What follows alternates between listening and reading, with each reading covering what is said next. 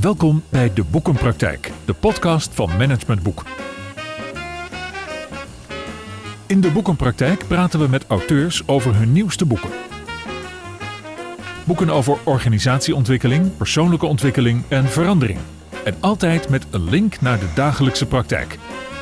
Uw presentator is Willem van Leeuwen. Ieder mens, team en organisatie leeft en werkt bewust of onbewust in een bepaald verhaal.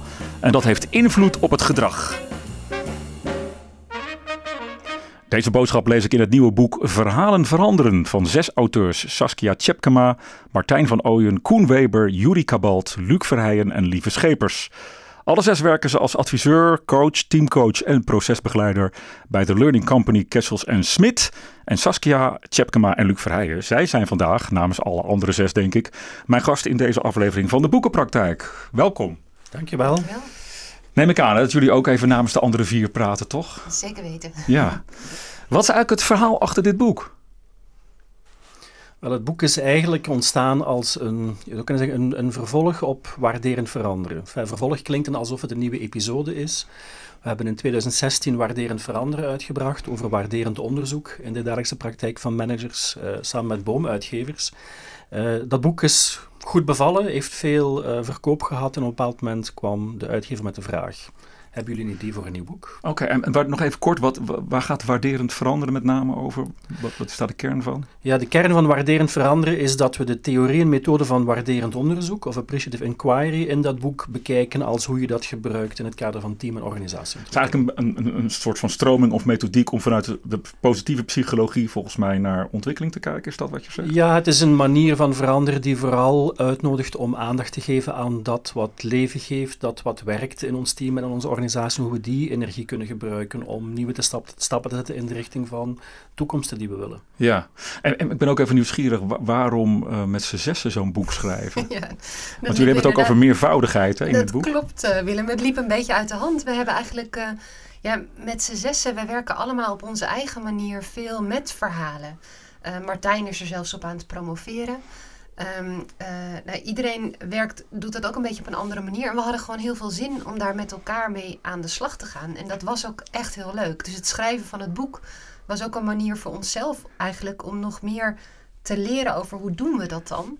Ja. Ehm, eh, waarom doen we de dingen zoals we ze doen?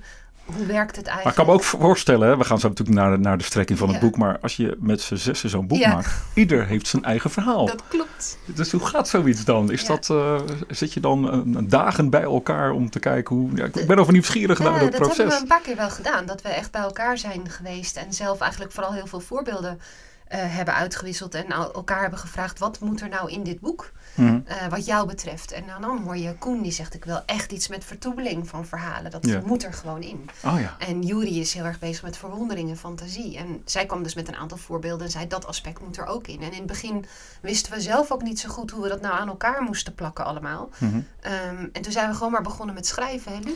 Ja, de, de- je zou kunnen zeggen dat we het maken van het boek, in plaats van te zeggen je hebt eerst een concept nodig en dat vul je, Mhm. zijn we het omgekeerd gaan doen. We gaan vooral gaan kijken naar wie heeft zin om rond wat al iets te beginnen schrijven. En op het moment dat er wat stukjes lagen, krijg je veel meer ideeën over, ah, als we dat nu samenbrengen, wat zouden we dan nog willen schrijven en welk soort van beeld van het boek komt dan naar voren? Oké. Wa- wanneer spreken we eigenlijk van een verhaal? Dat is een goede vraag. Ehm, een, een verhaal zoals we dat kennen uit de literatuur heeft natuurlijk altijd een kop en een staart. Ehm, zoals we er hier in het boek mee werken, is het eigenlijk vaak meer een soort ja, combinatie van flarden zoals we die als mens in ons hoofd hebben. Mhm. over eh, ja, hoe we denken dat de wereld in elkaar zit, of dat onze organisatie functioneert, of ons team, of eh, jijzelf.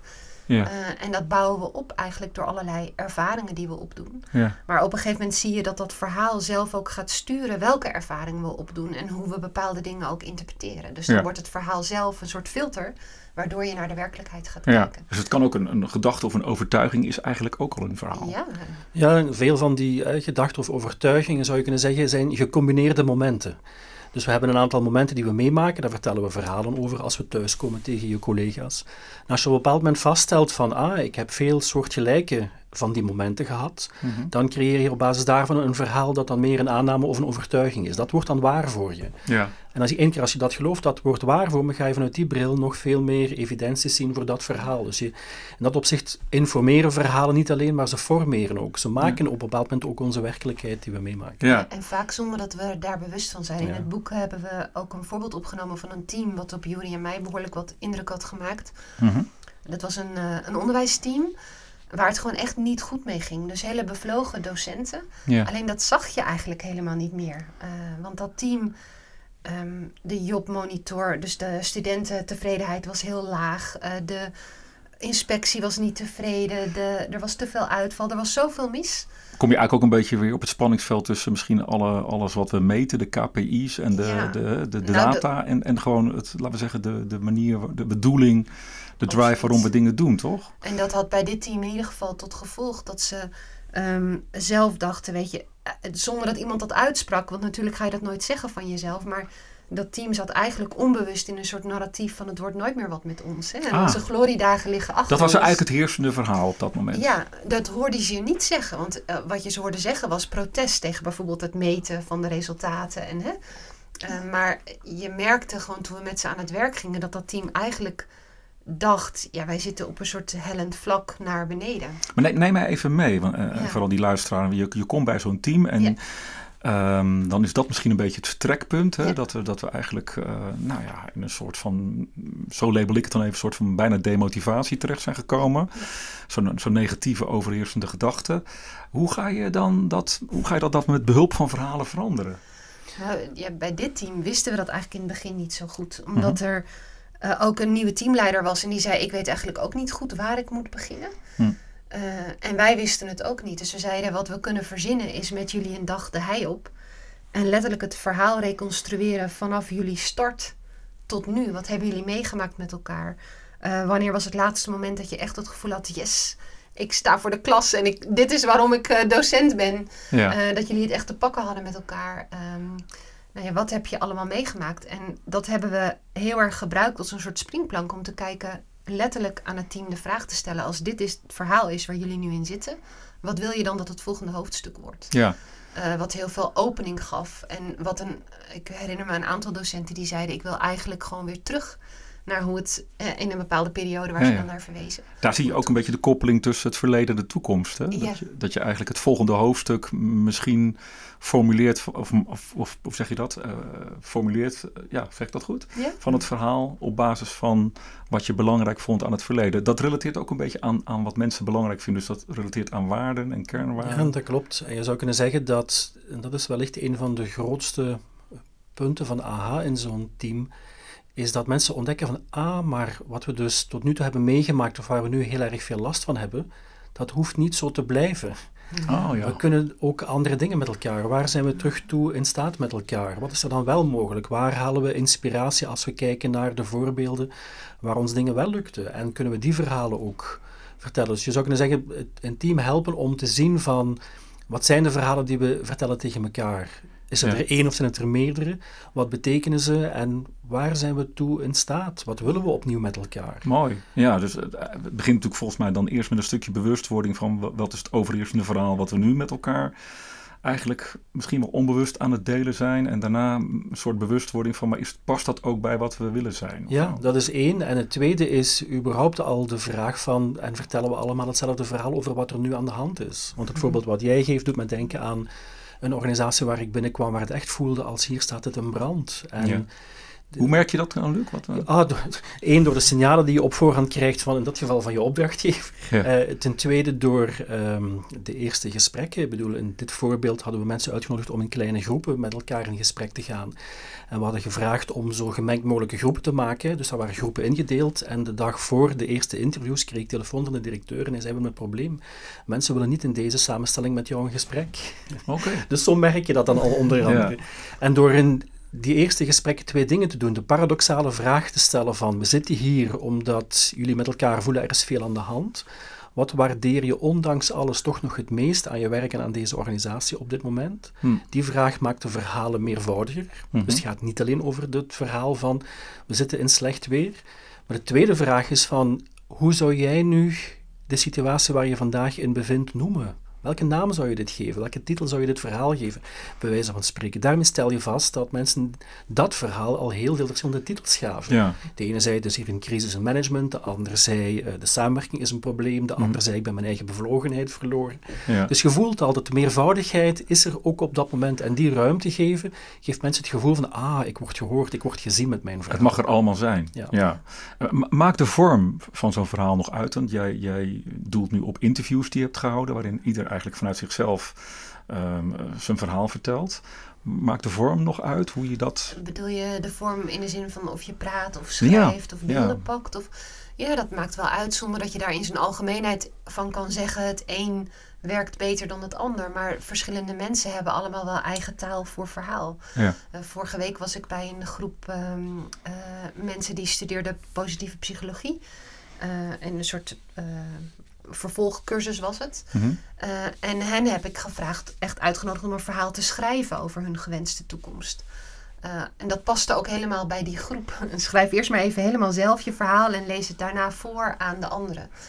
Um, bij de docenten waar ik je net over vertelde, paste het veel meer om het te vertellen. Ja. Uh, ja. En ook het juist niet op te schrijven en vast te leggen, maar meer het in contact met anderen eh, te laten ontstaan. Het is wel mooi, want dan kijk je ook eigenlijk heel erg naar wat past bij, bij het beroep of bij de mens achter het beroep, achter de functie. Ja, absoluut. Terwijl ik zie heel veel officiële verhalen, de hmm. visies, ja. zie ik allemaal via documenten, dus op papier, in hele mooie woorden voorbij komen dat ik denk, ja, leeft zo'n verhaal nou eigenlijk wel? Ja, ik denk dat dat een goede is, want in die, die, eerste vraag van waar hebben we het over als we over een verhaal spreken, in het hele uh, storytelling uh, concept, wordt er natuurlijk vaak gekeken vanuit ja, hoe creëer je het officiële verhaal? Mhm. En hoe maak je het verhaal aantrekkelijk of inspirerend? Of hoe moet het verhaal verteld worden op een manier dat de organisatie mee gaat bewegen? Dus dat is een heel andere invalshoek, mhm. die zou ik kunnen zeggen meer achtergrond heeft in marketing of organisatiecommunicatie. Terwijl wij veel meer kijken vanuit team- en organisatieontwikkeling en hoe geef je samenwerking op een goede manier vorm. Ja, tegelijkertijd willen die, die zogenaamde visiedocumenten, noem ik het maar even, de manier waarop ik ze label zegt natuurlijk al iets, hè, maar woorden doen er ook toe, dat snap ik. Mhm. Maar die zogenaamde visiedocumenten willen ook juist iets in beweging zetten. Dus het is wel degelijk een verhaal wat mensen willen laten leven. Ja, maar dat kan ook, denk ik, als je, zolang je ziet dat er twee verschillende dingen zijn. Dus... Uh, wij hebben ik, fantastisch leuke gesprekken gehad met mensen die ook echt iets in beweging zetten. Rondom dit is de nieuwe besturingsfilosofie van je organisatie. Wat is een moment dat jij uh, meemaakte waarop het echt al op die manier ging? Hm. Of wat is juist een grumpy moment wat je hebt meegemaakt waarvan je denkt, ja, uh, zo wil ik het nooit meer. En in die, uh, en in die besturingsfilosofie zie ik ook waarom we dat niet willen. Die gaat eigenlijk precies net daar. Misschien is dat verhaal wat jij met Herkenrode wel hebt gedaan wel leuk om hier te delen met. En welk stukje daarvan? Nou, dat, je, uh, dat jullie op een gegeven moment uh, uh, met die nou, hier komt het verhaal. nou, dat jullie waarden hadden vastgesteld en functionaliteiten voor die plek. En, en merkte, maar die komen eigenlijk niet van papier af. Dus dan staat het op papier wel. Ja. Ehm. maar ik denk dat de, de, de, beweging gaat twee richtingen op. Hè. Eén, natuurlijk op een bepaald moment zeg je als organisatie, we hebben stukken op papier nodig. En je wil dat doen op een manier die verbeeldend is, die inspirerend werkt. Maar vervolgens is de vraag, en hoe krijgt het betekenis in de dagelijkse praktijk van de medewerkers in deze organisatie? Mhm. Dus wat wij daarin zullen doen, is altijd stimuleren van, ja, hoe leeft dit verhaal voor jou? Ja. Hoe breng jij dit verhaal tot leven? Dus dat is vanuit papier naar verhaal. En omgekeerd, met waar jij naar verwijst, is een zou kunnen zeggen, een toekomstverkenningsproject dat we aan het doen zijn voor een uh, abdij die al 800 jaar bestaat. Oh. Die is gekocht door de Vlaamse overheid om een toeristische invulling te krijgen. Ja. Dus daar moet ook een toekomstdocument gemaakt worden. Mhm. Alleen dat zijn we heel erg aan het doen langs de kant van de concrete verhalen. En we nodigen mensen uit echt toekomstverhalen te schrijven over wat hoop je dat er binnen 20, 30 jaar op deze plek gebeurt? Dus daar zijn de verhalen, zeg, zeg maar, zijn toeleidend naar op een bepaald moment, ja, wil je die dingen ook wel op papier hebben? Dus dat komt dan ook wel. Ja. Wat ik interessant vind is eigenlijk, wat ook in dit gesprek eigenlijk al een paar minuten gebeurt volgens mij, dat is hoe, hoe verhalen ook um, ja, toch wel een beetje in een bepaald format plaatsvinden. Want jij zegt net iets, Saskia, en denkt ondertussen aan een verhaal. Ja. En vervolgens hoor ik jou zeggen, Luc, van uh, welk stukje uit het verhaal. Dus dan ben je alweer bezig van, we moeten het wel even klein houden? Of we moeten het wel even to the point brengen? Is dat, hoe vrij uit zijn we met verhalen? Misschien een lastige vraag. Maar... vraag. Ik denk dat dat een beetje afhangt van... Ehm, eh, van wat je wilt bereiken. Zodra je er iets methodischer mee gaat werken, ga je daar natuurlijk over nadenken. Wat voor verhaal zou hier helpen? Ja. Uh, dus bijvoorbeeld dat team met die docenten, daar dachten we, het gaat echt heel goed zijn om ze ook te vragen zich te herinneren aan hun oerknal. Waarom ben je ook alweer het onderwijs ingegaan en wanneer was je echt helemaal in je element als docent? Ja. Um, dus dan vragen we daarnaar. Wil je iets vertellen over een moment dat jij als docent voor de klas stond? Uh, of in ieder geval hier in school bezig was. Je deed iets. Wat deed je? Ja. Wie was daarbij? Wat was het effect ervan? En wat deed het met je? Ja. Um, maar ik, ik, ben nu bijvoorbeeld ook met een uh, lerend netwerk uh, van wethouders jeugd aan het werk. Mm -hmm. En die hebben we bij de startbijeenkomst gevraagd: wil je een verhaal vertellen? Niet per se over jouzelf, maar over een kind of een jongere. Waarvan je zegt: wat dat kind meemaakt, of wat die jongere meemaakt, dat is precies waarom ik wethouder jeugd ben en me in wil zetten voor de jeugdzorg in Nederland. En het Ja. mag een kind zijn dat je kent, het kan familie zijn, bij wijze van spreken, of iemand van vroeger, of Ja. eh, iemand die je nu kent vanuit je werk. Ehm, dat maakt me allemaal niet uit, maar ha- zou je dat kind in de ruimte willen halen? Ja. En dan gebeurt er wat anders. Nou ja, zo kan ik allerlei variaties nog verzinnen. En dat is wel waar je over nadenkt als je iets methodischer nadenkt over verhalen. Van welke verhalen willen we eigenlijk in de ruimte? Er is altijd een hoofdpersoon, iemand die iets meemaakt. Ja. En dat doet iets met die persoon. ja. Eh, En er zit altijd iets persoonlijks in en ook wel iets, Ja. iets van emotie volgens mij. Het, gaat niet over, het gaat niet over alleen maar een aantal feiten. Nee. Nee, met verhalen komt altijd eh, beleving mee. Beleving omdat je iets hebt meegemaakt. Ja. En dus Ja. vertel iets over wat je hebt meegemaakt. Ja. En als mensen die verhalen delen over momenten die betekenisvol waren en wat ze dan hebben meegemaakt, komt altijd de beleving mee. Is alsof ze het moment zich terug herinneren, maar ook terug doorvoelen op het Mhm. moment dat ze over dat moment kunnen vertellen. Ik vond het ook zo mooi dat in een van die docenten van dat team. Eh, aan het einde van de heidag hadden we het over wat gaan jullie nu doen. En ze hadden bedacht, we gaan de introductieweek veranderen. Hè? Dat was vrij kort voor de zomer. Ze dachten, als we terugkomen na de zomer, we gaan de introductieweek anders doen. Hm. En een van die docenten die zei, ja, want het is eigenlijk heel erg raar. Ik sta daar dan voor die groep. Wij mopperen over afstand die de studenten tot ons voelen en gebrek aan motivatie. Maar het is eigenlijk raar. Ik sta daar voor die groep en ik zeg: Jongens, dit zijn de regels voor het laptopgebruik. Hier is de sleutel van je kluis. Als je hem kwijtraakt, kost het zoveel. ik moet dat helemaal niet doen. Ik moet daar gewoon staan en zeggen: Ik ben Jan. Ik geef al 35 jaar economieles. En dit is de reden waarom ik dit het mooiste vak vind. Ja. En dat moet ik eigenlijk de stagebedrijven ook vragen. Niet vertellen hoeveel eh, omzet je hebt, maar eerst maar eens waarom heb jij een assurantiekantoor? Wat Ja. is daar mooi aan? Hoe ben je dit begonnen? Dat is ook een beetje waarom kom je 's ochtends je bed uit eigenlijk. Exact. Dus, Ja. En dat hadden wij niet, ge- niet bedacht of ehm, eh, gesuggereerd of wat dan ook. Mhm. Maar ik denk wel dat het komt dat Jan de ervaring had dat verhalen verbindender werken. Hè? Dus de kortste Hm. afstand tussen twee mensen is een verhaal. Ja. Als ik jou een verhaal vertel, komt er bij jou een verhaal op en dan eh, zit daar beleving Ja. bij en voelen we meer eh, ja, contact. Ik ga even naar de eerste stelling. ik zag het. Gaat misschien een beetje jou, hè? Je zag mij al op het knopje. Ja. Ja. Ja, ja, ja, ja, Ik moet het ook een beetje duidelijk maken. Anders praten jullie maar door. en Dat is alleen maar goed, hoor. De- de- wat ik heel mooi vind, is dat de praktijkvoorbeelden komen nou al eh, vanzelf naar boven. Stelling 1. Verhalen zijn in de kern bedoeld om de ander te overtuigen van onze eigen mening en visie. Eens of Eh, oneens? oneens. Nee, oneens. ja. Je zou kunnen zeggen, ze worden zowel gebruikt, hè, of dat uiteraard eh, worden verhalen zo soms verteld. eh, Ja. maar daar zijn ze in de kern niet voor, eh, voor bedoeld. Zijn we toch niet onbewust altijd bezig met een verhaal? Eh, is het doel niet altijd om de ander toch te willen beïnvloeden? Ja, je zou kunnen zeggen, je vertelt je verhaal om daarmee weer te geven wat, wat je hebt meegemaakt en wat het voor jou betekent. En ultiem ook waar je dus in gelooft of waar je toe uitnodigt. hè. Dus je zou kunnen zeggen, de manier van het verhaal vertellen is ook een uitnodiging aan de ander om het een ander verhaal te vertellen en te kijken hoe verhoudt zich dat tot elkaar en wat betekent dat dan. Eh, daarnaast weten we ook dat we manieren hebben om verhalen te vertellen om te overtuigen. Mhm. Om stellig te zijn en te zeggen, dit is nodig. hè. Ja. Dus die zijn er ook. Ja, want in conflict situaties, en jullie beschrijven dat ook in je boek, Mhm. wil je nog wel eens natuurlijk hebben dat, en je het eigenlijk ook wel een beetje in de, nou ja, af en toe als, als, je, als je kijkt naar de polariserende eh, verhouding in maatschappij terug, dat we toch vooral bezig zijn met een verhaal te vertellen om ons eigen, eh, om ons eigen verhaal te vertellen, ons eigen gelijk te halen. Hoe doorbreek je dat? Ja, door op zijn minst mensen uit te nodigen van ik nodig jou uit om je verhaal te vertellen waarmee je de kijk op de wereld kan duidelijk maken. En als jij je verhaal vertelt, eh, kan je daarna dan ook naar het verhaal van je collega luisteren. Hmm. Ja? En ontdekken waar dat raakpunten zijn, maar ook ontdekken waar dat misschien dingen verschillend zijn. Ja. En dus in dat opzicht, als we het hebben over welke functies hebben we verhalen. Hè? Het gaat over gezien en gehoord worden. Het gaat over eh, verbinding kunnen maken met elkaar. eh, maar het gaat ook om opnieuw te kunnen kiezen met elkaar. Ja, ja, ja. En in dat opzicht eh, is de uitnodiging vooral van, kan je zien dat jouw manier van het te vertellen één verhaal is? ja. Een aantal termen gebruiken jullie ook, of, of vermogens noemen jullie dat volgens mij. Hè? Construeren, separeren, deconstrueren en co- co-construeren. Dan gaan we niet al die, die termen langs. Dat moeten mensen gewoon lekker het boek lezen. En dan wordt het ook maar veel te technisch.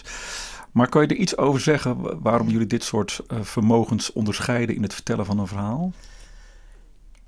Ehm, ja, waarom wij ze onderscheiden? Nou, waarom we ze in het boek hebben opgenomen is omdat we merkten het helpt ons. Het is niet door ons ontwikkelde taal, maar wij merkten wel dat toen we die taal ontdekten, dat het ons hielp om iets bewuster om te gaan met verhalen.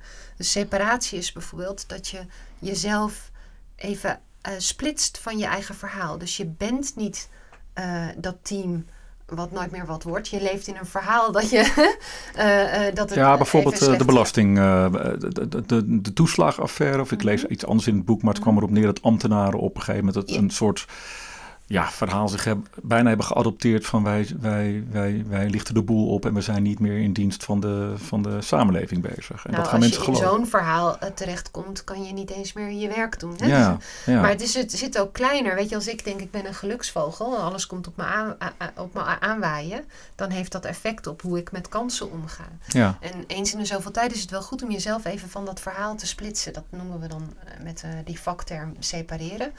Ehm, en dat kan je op allerlei manieren dan vervolgens doen. Door het verhaal op te schrijven of door het inderdaad titels te geven. Of door het met zo'n historielijn eens even op de grond te leggen en ernaar te kijken. Mhm. Eh, en dat is dan ons vak, denk ik, als begeleiders. eh, dat je kan bedenken wat is een vorm die hierbij past. Maar je weet dan waar ik op uit ben, is dat mensen eh, zichzelf even uit hun eigen verhaal trekken. ja. En dus weer, zoals Luc net zo mooi zegt, opnieuw kunnen kiezen. Ja, dan kan ik me voorstellen dat in een setting van een, een training of coaching Mhm.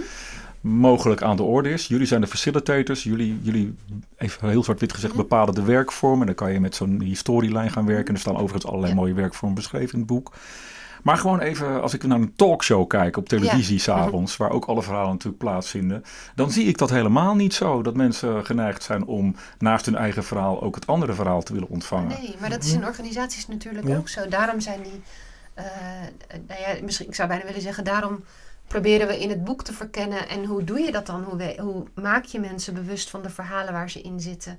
Van de, ehm, soms is het in een organisatie nodig om weer even wat meer in een gedeeld verhaal te komen. Mhm. Op andere momenten is het juist goed om even te kijken. "Hmm, er zijn nu wel heel veel uiteenlopende verhalen. En je wilt een stap naar de toekomst zetten. Kunnen we ook weer naar iets gezamenlijks toe gaan. Ja. Ehm, ja, Plus Willem, ik denk dat je, ook, dat je wijst naar iets... We hebben natuurlijk geschreven vanuit het kijken naar team en organisatie. eh, En je kan het thema of het denken vanuit verhaal eh, direct ook maatschappelijk bekijken. Ah, ja. Hè? Welk discours leven we? Hè? Ja. Welk discours vinden we ondertussen zo vanzelfsprekend dat we het recreëren, hercreëren, zonder dat we ons daarvan bewust zijn? Nou, mag ik een voorbeeldje noemen? Uh, want jullie hebben het over deconstrueren. Wat, wat is dat even heel kort? Deconstrueren? Dat deconstrueren gaat vooral even kijken over uh, waar komt dit verhaal nu precies vandaan? Wat zijn de aannames die onderliggend ja. zijn? Uh, wat gebeurt er als we die blijven geloven? Klopt dat wel? Dus het gaat met andere woorden over het... Nou, ik moest, toen ik dat las, moest ik toch weer denken aan... Uh, misschien raakt het langzamerhand al een beetje achterhaald. Het verhaal Matthijs van Nieuwkerk. Hm. Gevolgd neem ik aan, toch, in Nederland? Uh, in, in, in België is er een klein beetje van doorgekomen. Okay, ja. gelukkig. Nou, dan ga ik naar Saskia. De internationale rel. Mij die bellen, denk ik. Um, dat is toch dat is een verhaal wat dan zo eenzijdig uh, mogelijk wordt, wordt neergezet, waardoor die deconstru hoe zeg je dat, dat deconstrueren bijna niet meer lukt. Hoe, ja. hoe, hoe, ga je daar dan mee om om dat toch weer in een verhouding terug te brengen? Ja, nou de vraag is wanneer wil je dat ook doen? Hè? Ik hmm. weet niet of nu het moment is dat je zegt we willen nu met z'n allen in een soort ontwikkeling stappen en kijken. Timing goed, is belangrijk. Timing is belangrijk. Ja. Um, maar ik denk als het stof wat is gaan liggen bij de NPO bijvoorbeeld, maar mm -hmm. dat kan ook op andere plekken zijn, hè, dat je zegt gewoon laten wij ook eens in de spiegel kijken hoe doen wij dat eigenlijk met leiderschap. Uh, dan zou je bijvoorbeeld kunnen kijken wat voor verhalen doen er bij ons eigenlijk de ronde over wat een goede leider is. Ja. Uh, en um, hoe divers zijn die verhalen? Mhm. En zouden we daar ook eens mee kunnen spelen? Want dat is dat deconstrueren eigenlijk, dat je ook bepaalde verhalen een beetje uitdaagt. Ja. En ja. jij denkt dat leiderschap vooral is dat je uh, altijd de lijn uitzet en voorop loopt. Mhm. Maar stel je nou voor dat leiderschap um, uh, is dat je juist heel goed voor iedereen zorgt en heel veel vragen stelt. Uh, zou dat ook kunnen? Zou je het verhaal ook eens op die manier willen vertellen? Dus dan speel je een beetje eigenlijk bijna als met verschillende scenario's. Ja. En niks ervan hoeft waar te zijn en alles is tegelijkertijd ook waar. Maar Ja. het gaat er vooral om dat je weer wat opener komt in je aannames. Ja. Die kan uh, delen met elkaar en dan vervolgens kan kiezen. Wat wil ik eigenlijk, welke definitie of welk beeld van leiderschap wil ik eigenlijk uh, ja, adopteren? Het zou mooi zijn als we, als we die- dat meervoudige perspectief, eigenlijk wat ik hoor, hè, in vragende vorm, ook wat meer gewoon aan de orde mogen brengen, toch? In plaats van Ja. dat we het allemaal vastzetten. Ja, dat maakt dat we meer... Of is dat het verhaal in mijn hoofd? Dat kan natuurlijk. Nee, maar nee, dat, dat- dat de uitnodiging vooral is van, kan je vooral vanuit je meervoudige, meervoudige bril kijken naar eh, hoe we onze wereld samen aan het maken zijn. Eén. Ja. En de tweede is, en die hebben we al herhaaldelijk gezegd, denk ik, telkens opnieuw vanuit de gedachte van, en welke verhouding willen we dan met dit verhaal? Hmm. Als we ons bewust zijn dat dit het verhaal is dat we aan het recreëren zijn, als Ja. we ons daar bewust van worden, Ja. dan wordt de volgende vraag, en welke verhouding, welke relatie willen we met dat verhaal? En die vraag maakt dat je opnieuw op een positie komt van kiezen. En ult- ultiem, als je mij zou vragen van wat is voor jou het belangrijkste boodschap in dit boek, is dat voor mij echt een boodschap van vrijheid en vrije keuze. Ja. Als we ons zo bewust worden van alles wat we als vanzelfsprekend voor waar aannemen, ontstaat er terug een moment dat je kan afvragen van en wat kies ik dan? Dus de nieuwsgierigheid en het verwonderen blijven wel heel belangrijk hierin. Om, Ja. om die verhouding en die relatie tot het verhaal, zoals jij dat zo mooi zegt, te blijven onderzoeken. Ja, Ja. ook omdat het dan niet gaat om je, schuldig te voelen over de vaststelling, ga, dit verhaal over mijzelf ben ik dus eigenlijk al tien jaar lang aan het voortleven. Hmm. Je hoeft je daar niet schuldig over te voelen. De vaststelling van, ah, blijkbaar is dat zo. Blijkbaar waren er redenen waarom ik dat deed. Ja. Nu ik me daar bewust van ben, wat wil ik ermee? Dat brengt ons eigenlijk even op de volgende stelling, Luc. Dankjewel. Namelijk, die luidt als volgt. Onze conditionering zorgt ervoor dat onze verhalen te veel een product van het verleden zijn en te weinig een droom over de ideale toekomst. Eens. Dat komt er heel stellig uit. Wil je dat toelichten? Nee, ik wil eerst weten of jij het ook eens bent. Ehm, ja, ik denk het wel. Ik denk wel dat ik het eens ben. Wat meer, maar wat twijfelachtiger misschien. Dus dan gaan we toch aan Luc vragen waarom hij het zo stellig Ja, eens is. ik denk, dit, de, onderliggend zit een hele interessante vraag of gedachte. En dat is, wat, eh, wat is onze dominante overtuiging over hoe dat menselijke systeem, of het nu teams, organisaties, maatschappijen zijn, veranderen en ontwikkelen. En één dominante overtuiging is dat verandering wo- wordt, we worden voortgestuurd vanuit ons verleden. Ja. Hè? We worden Ja. voor, dus met andere woorden, door te kijken naar wat er was, bepalen we wat nu waar is en wat er morgen nodig is. Ja. En ik denk echt dat het heel interessant is om die om te keren. Zou het kunnen dat verandering niet ge- voortgestuurd wordt door ons verleden, maar voortgetrokken door onze toekomst? Nou, ja. En als die ook waar kan zijn, dus het gaat niet over is het een nu fout en het andere eh, waar of juist, niet, en kan doe je dat, waar voor, dat voortrekken uit de toekomst. Hoe... Wel, het- je doet dat door onder andere teams en organisaties of mensen de vraag te stellen naar anticipeer nu eens op een toekomst die je wil. Wat zie je voor ogen? Wat zou je, volgend, dit jaar, hè, wat zou je volgend jaar op deze dag willen zien dat er dan waar is? Hmm. Ehm, in de, het verhaal van de Herkenrode abdij hebben we mensen gevraagd van wat hoop je dat over zeven generaties, waarvan hoop je dat mensen dan ons dankbaar zijn voor de keuzes die wij vandaag in 2022 maken? Ja. Dus dat is een vraag voor mensen om werkelijk verre lijnen in de toekomst te Ik denken. ben even nieuwsgierig, wat, wat kwam er dan voor antwoord? Of voor Het verhaal? ging heel, het ging heel, het was, wat, wat heel mooi was, het ging vooral over de combinatie maken van het bewaard hebben van een ziel van een plek die al 800 jaar oud is, Mhm. met invullingen geven die eigentijds en modern zijn. Hè. Ja. Het ging, het ging vooral, daar gingen de verhalen over.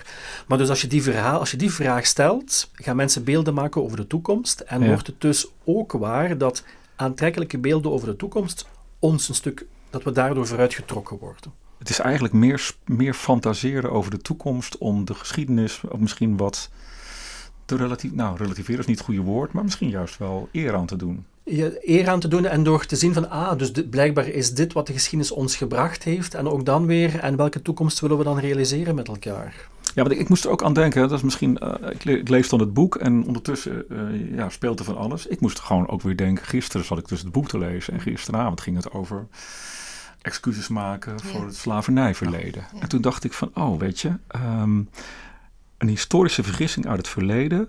Is dat misschien ook een, te veel een verhaal wat in het verleden blijft hangen? Nee, of vooral de vraag van eh, welk verhaal over die geschiedenis hebben we gewoon nog te weinig erkend en verteld. Ja, ja, Ik bedoel, net zoals dit bericht gisteravond in het nieuws was, was gisteren in België het nieuws dat de regering weigert om excuses te maken voor dat verleden. Ja, hè? ja. Om maar even het contrast en het verschil duidelijk Ja. te maken. Dus wat gebeurt er vandaag waardoor we dat deel van het verleden verhaal gewoon niet onder ogen durven zien? Ja, En, mooi, mooi. Ehm, hoe, hoe, hoe creëer je eigenlijk als, als, eh, eh, als begeleider een, een, een, een soort van verhalenvertellerstand? Dat woord gebruiken jullie ook, vond ik Ja. een mooi scrabblewoord. hoe doe je dat? Hoe zorg je dat mensen ook echt een beetje losgaan in het willen vertellen van een verhaal? Zeker als het persoonlijk wordt. Ja, mijn, mijn favoriete ingang is, en die heb ik eh, geleerd van Chené Zwart, wat een Zuid-Afrikaanse mevrouw is die veel bezig is met verhalen en leren en veranderen. En haar eh introvraag is, eh, neem me mee naar een moment. En dat moment kan over eender welk thema gaan. Hè. Neem me mee Mhm. naar een moment dat je goede teamwerking ervaren hebt. Neem Ja. me mee naar een moment dat je echt bevlo- bevlogen in je werk stond. Hè. Neem me mee naar een moment dat je het laatste werkelijke goed gesprek hebt gehad. En dus de neem me mee naar een moment klinkt al anders als vertel me een verhaal over. Ja, ja. Want op een of andere manier, als je de vraag stelt, vertel me een verhaal over, mensen hebben ook associaties bij wat verhaal dan is.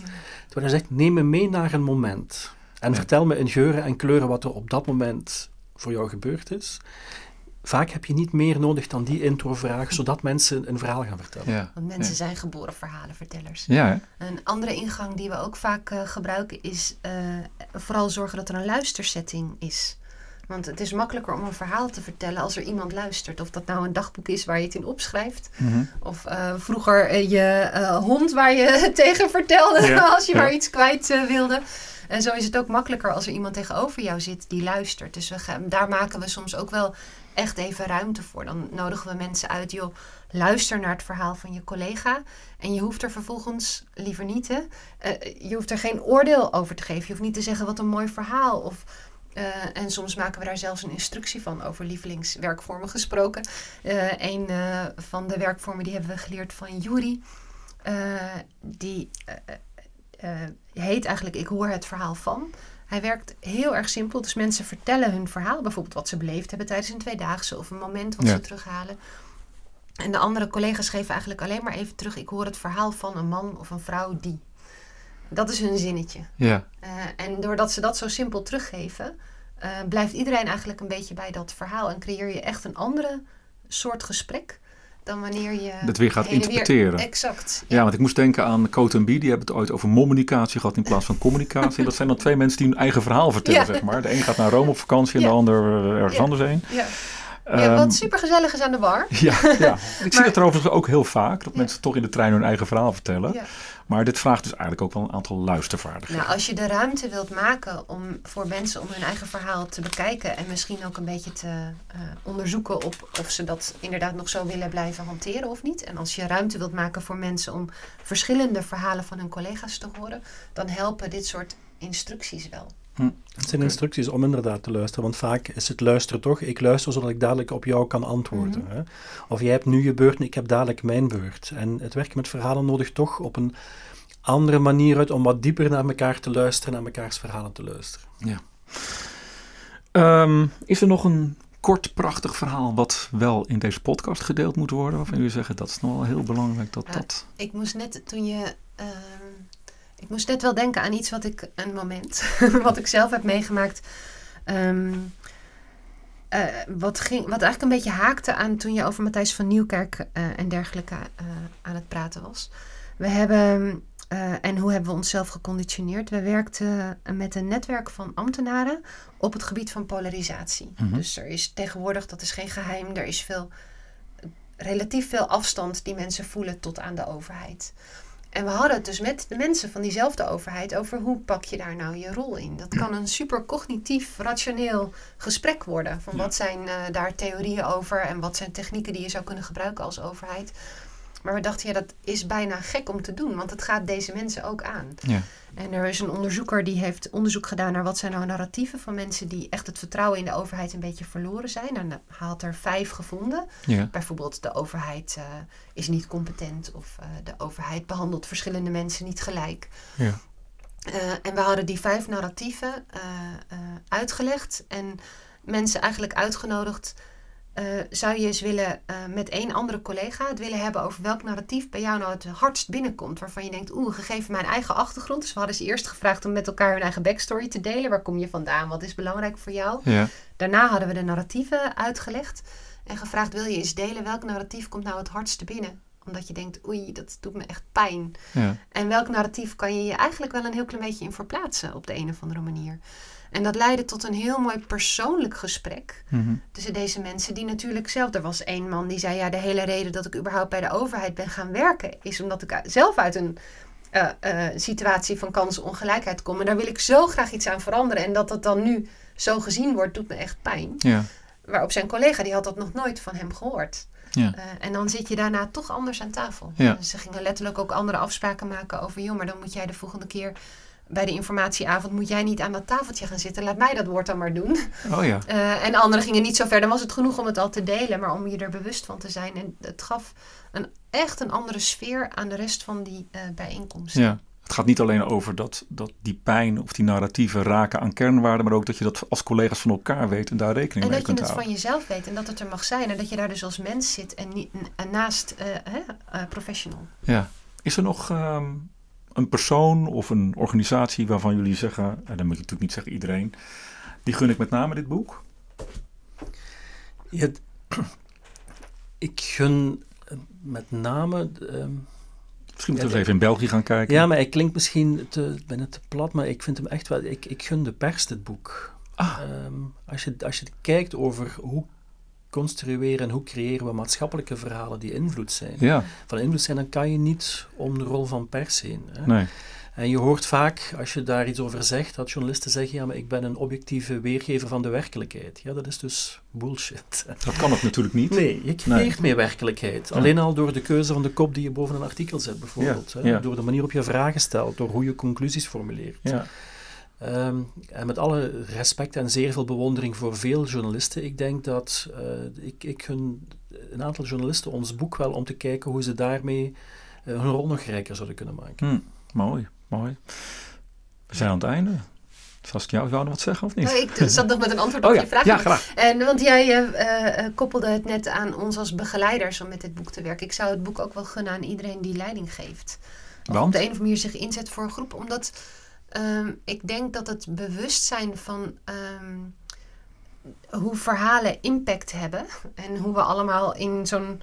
Uh, we citeren Chinees zwart, hoe we allemaal in zo'n oceaan van verhalen leven. Ja. Um, je werk echt wel leuker en lichter en menselijker ook kan maken. Ja. En ja. dat horen we ook wel terug van mensen die met het boek aan de slag zijn. Het is niet, echt niet alleen voor veranderkundigen nee. uh, en voor uh, procesbegeleiders of coaches. Ja, ik vind het mooi, want uh, we hebben de afgelopen maand een aantal podcasts opgenomen met verschillende thema's die elkaar enorm raken. Een podcast over nieuwsgierigheid, een podcast over verwonderen en nu deze podcast. Ja. Het komt echt wel samen. Ja. Dus dat vind ik heel mooi. Belangrijk, denk ik. Belangrijk verhaal. Ja. Dankjewel voor jullie deelname aan deze aflevering van de Boekenpraktijk. Saskia Tjepkema en Luc Verheijen namens natuurlijk ook de vier andere collega's van Kessels en Smit met het boek Verhalen veranderen. Ik ben nog meer het belang van het vertellen van verhalen in gaan zien. In relatie natuurlijk ook tot onder andere organisatieontwikkeling. Ik verwijs jou als luisteraar van deze podcast nu uh, ook weer heel graag naar de volgende aflevering. Die is niet over twee weken, maar over drie weken op alle grote podcastkanalen te zien. Of te vinden, moet ik eigenlijk zeggen, te zien. Of te vinden. Nou, in ieder geval, je weet wat ik bedoel. We gaan even een klein weekje met kerstvakantie. Maar daarna spreken we weer met een auteur of auteurs over zijn of haar opmerkelijk recent verschenen managementboek. En plotten we de strekking van dit boek op een actuele casus uit de praktijk. Rest mij je hartelijk te danken voor het beluisteren van deze podcast. Heb je vragen, opmerkingen of suggesties? Vertel je verhaal. Mail het naar info.managementboek.nl Tot zover de praktijk van boeken.